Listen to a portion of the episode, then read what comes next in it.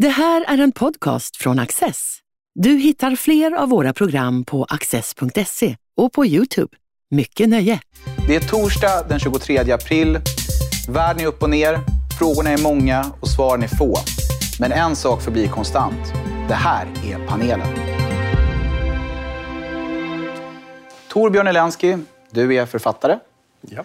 Och Josefin Utas, du är fri debattör. Varmt välkomna ser jag till er båda två. Tackar. Tack så mycket. Ute lyser vårsolen och viljan att börja umgås som vanligt igen blir allt starkare för var dag som går. Men budskapet från myndigheter och regering är krasst. Vi måste fortsätta hålla ut. Josefin, vad är dina tankar kring hur människor hanterar krisen hittills? Ja, man kan väl säga att eh, jag upplever att vi har nått någon sorts eh, normalläge i det här. Alltså vi, vi vet lite grann vad vi har att förvänta oss och lite vad som kan komma hända framöver och så. Vi har lärt oss lite grann mer att leva med den här isoleringsstrategin. Sverige har ju inte en, en jättehård sådan, men det sker ändå väldigt stora skillnader. Det är stora skillnader mot förut. Nu kommer ju första maj, valborg, sådana här saker som vi är vana att, att fira och mötas och studentfiranden och så. Eh, och de här sakerna, många av dem kommer helt falla bort. Eh, och, eller bli väldigt reducerade. Och, eh, det här är ju saker som vi gör eh, för att de betyder någonting i vanliga fall. Då. Och nu när de här kommer att falla bort, ja då kommer vi ju inte få ut det som vi brukar utav det här. Alltså att det här det har ju något värde för oss. Och, Eh, det värdet kommer nu falla bort. Det är behov som vi har, vi människor som inte kommer att mötas. Och jag tror att eh, det här är någonting som vi kommer att prata mer om framöver. Vi har varit väldigt fokuserade på krisen när det gäller att skydda liv, Eh, sen började vi prata om, om, ekonomin och så. Men det här är liksom tredje steget. Att vi, vi, eh, vi har kört nu på den här med isoleringen och så. Det är viktigt. Men, och det kan vi göra ett tag, men då offrar vi ju vissa andra saker. Det här med att vi inte kan mötas, att, att vi inte får träffa nära och kära, våra ceremonier, firande, det här som har så liksom, viktig betydelse för oss.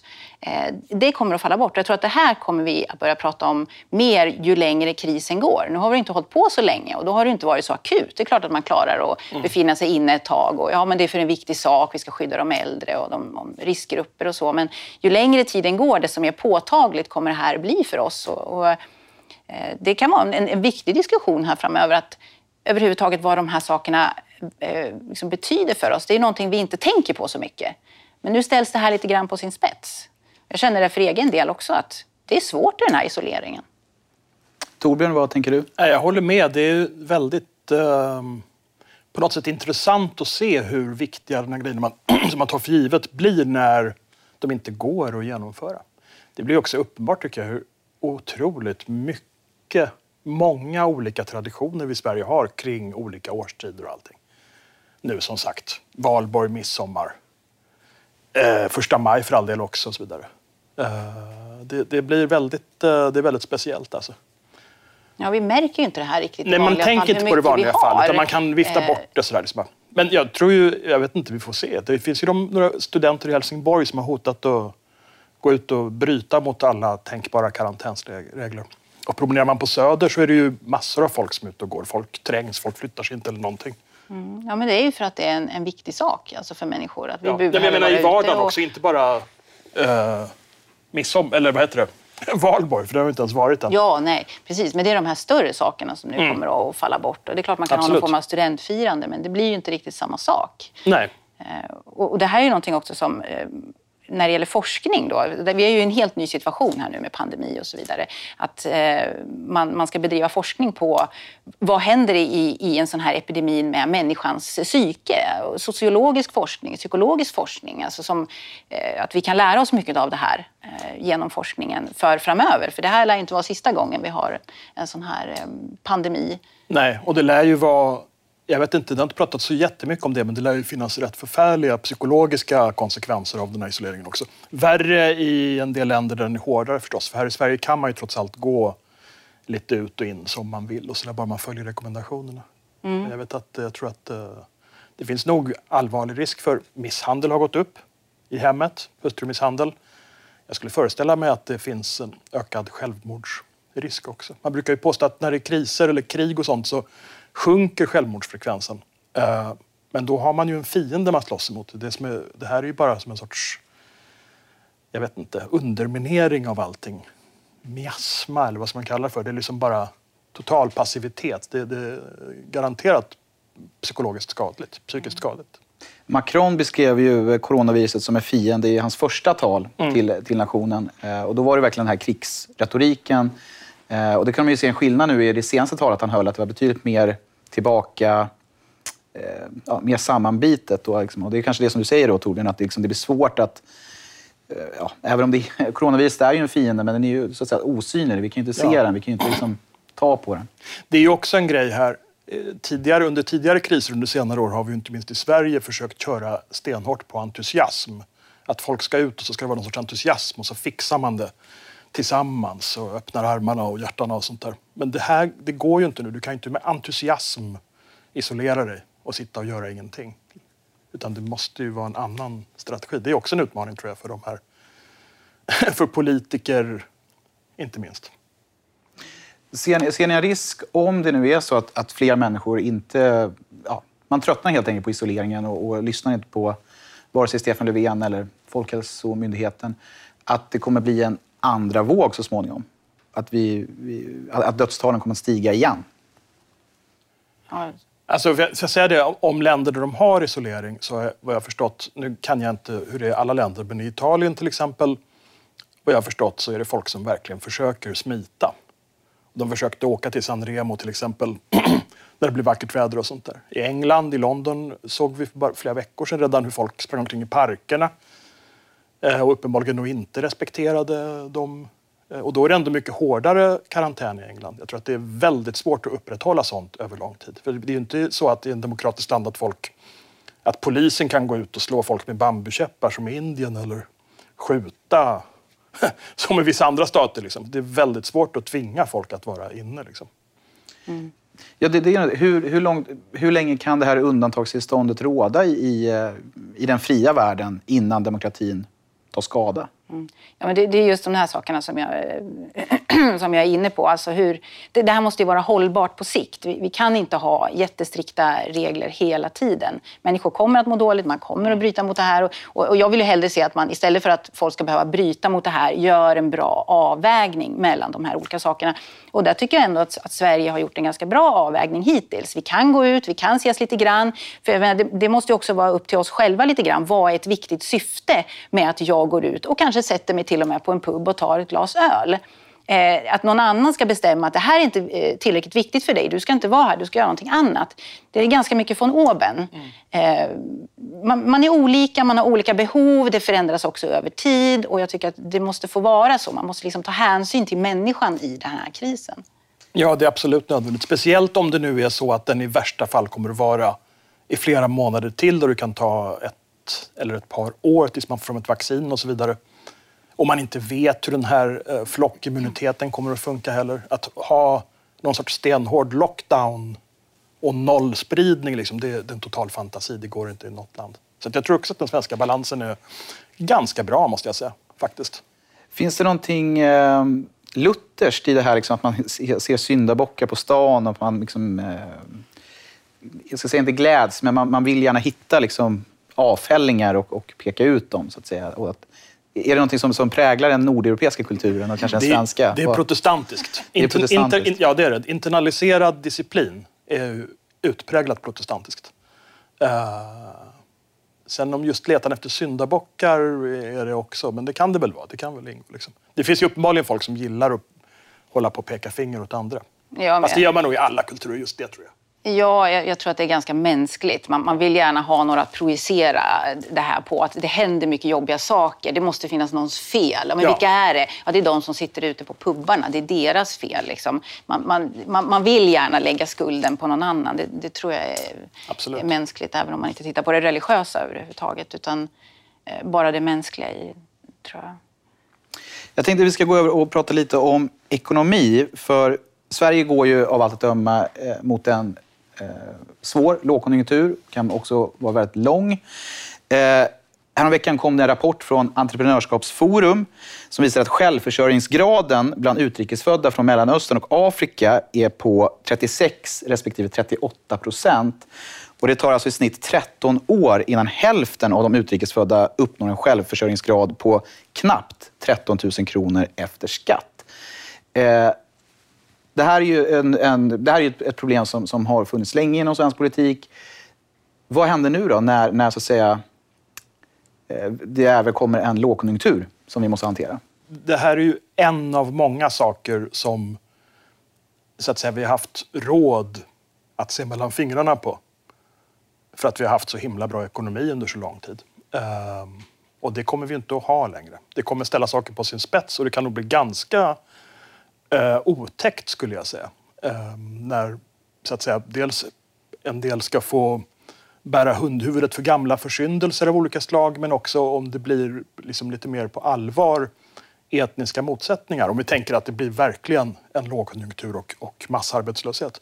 Ja, jag tror det kan bli enorma problem. Och jag tror framförallt då att en, den regering nu som har ansvaret för arbetet under pandemin, de har ju oerhört bra opinionssiffror så länge det här pågår. Fast de måste se framåt och så att säga tänka på inte bara nästa utan nästnästa och nästnäst, nästa drag också för de måste parera för det här. Det går inte att ha för många som är beroende av det gemensamma för sitt uppehälle. Helt enkelt. Det måste rättas till på något sätt. Och hur det ska gå till, det vet fåglarna. Mm. Ja, nej, det är ju en bra fråga. Ja. Jag instämmer ju där. Alltså det, vi, vi har ju ett antal vad ska man säga, krisande områden som ligger under eh, allt det här. Nu är det coronakrisen vi pratar om, men, men, innan coronakrisen så hade vi ju kris på väldigt många olika områden. Och det här, inte minst i kommunerna med, smängde ihop ja, det här också. absolut. Kommuner och landsting och, och, och vården då inte minst. Mm. Eh, och just nu så tar vi ju inte riktigt i de här frågorna utan nu är det den här coronakrisen. Allting ryms inom den här bubblan och hanteras inom det. Förr eller senare kommer man börja titta, men jag tror att det kan dröja ganska lång tid innan man börjar se de här delarna ja. igen ändå. Ehm. Det kan säkert dröja lång tid, men jag säger igen, om de vill, exempelvis sossarna då, om de vill nu dra nytta av det här, sitt uppsving, även några steg fram, då måste de vara liksom proaktiva och se till att reagera på det här i tid. De har ju väldigt snabbt nu svängt om och gillar att omge sig med svenska fanor och såna saker. Mm. Det är ju fint, men det är också lite ironiskt att man så himla snabbt kunde vända och, och bejaka detta fullkomligt. Inga EU-flaggor till exempel. Det är också Intressant onekligen. Jag, menar, jag säger ingenting om det mer än att det är intressant att iaktta, minst sagt. Skulle du säga att det är populistiskt? Nej, det är inte populistiskt tycker jag, men jag menar det är ju ett sånt extremt krisläge. Alltså, det, det blir ju uppslutning kring gemensamma samlande symboler. Det måste finnas det. Det är ju precis i krislägen man behöver det.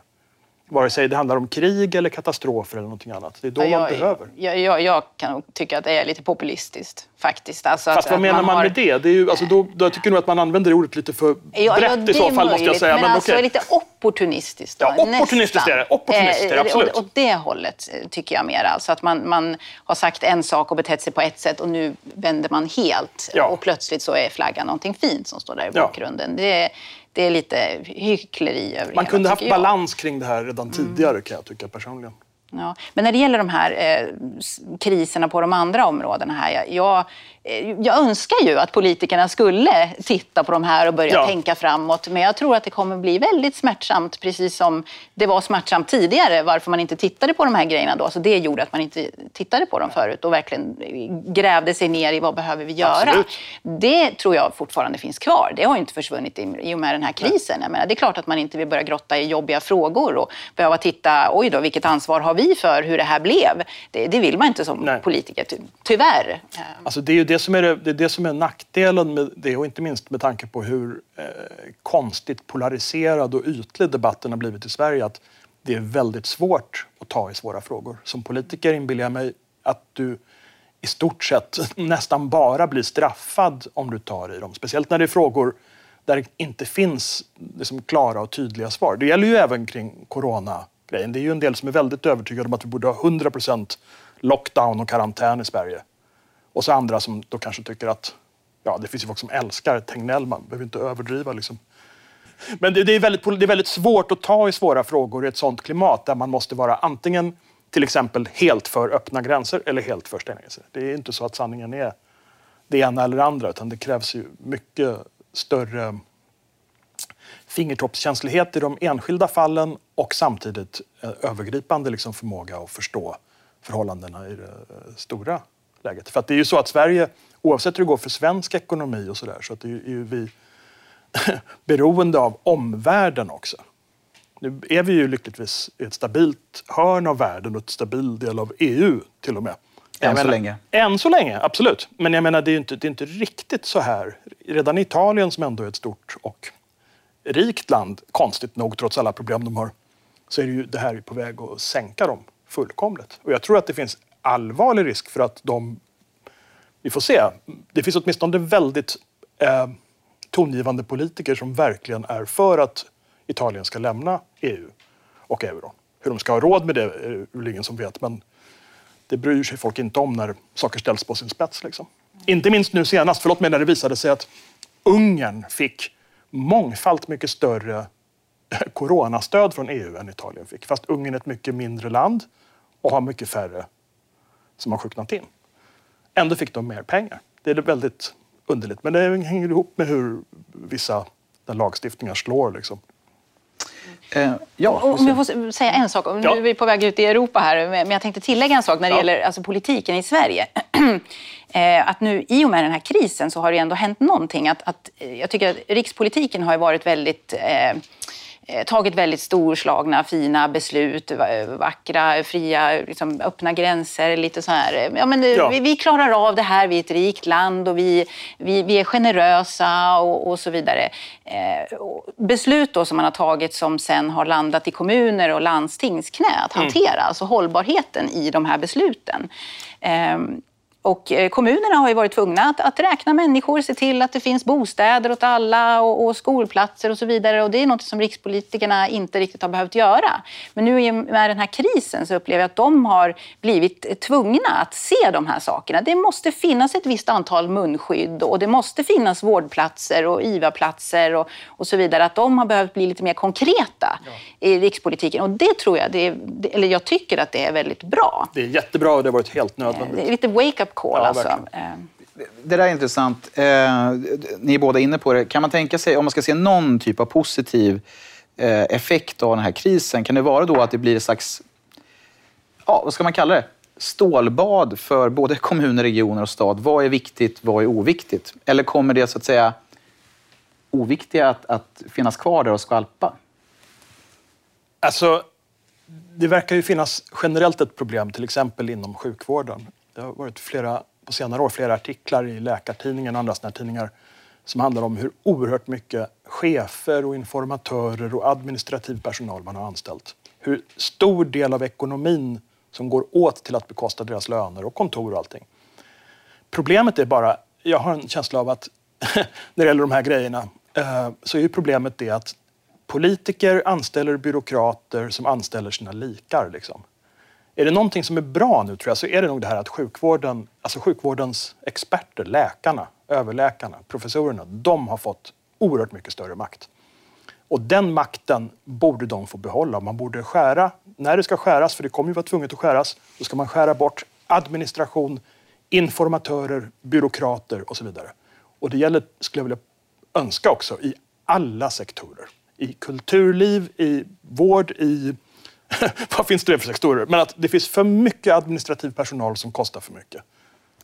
Eh, jag, tror nu, nu ska jag se om jag, om jag ser rätt, men du brukar kalla det att det har skett en slags PR-fiering av, av samhället eh, från liksom 90-talet och framåt. Eller har jag helt fel? Nej, nej det, det har du rätt i. Det blir, det blir väldigt lång... Alltså en pierifiering, inte minst av politik och ideologi. Jag har en känsla av att ideologi sen, eh, med början på 80-talet någon gång, men absolut sen 90-talet, drivs i hög grad närmast av en sorts PR-byråer. Alltså. Politiker som eh, lär sig hur man ska uppträda av olika såna här eh, mediacoacher och saker.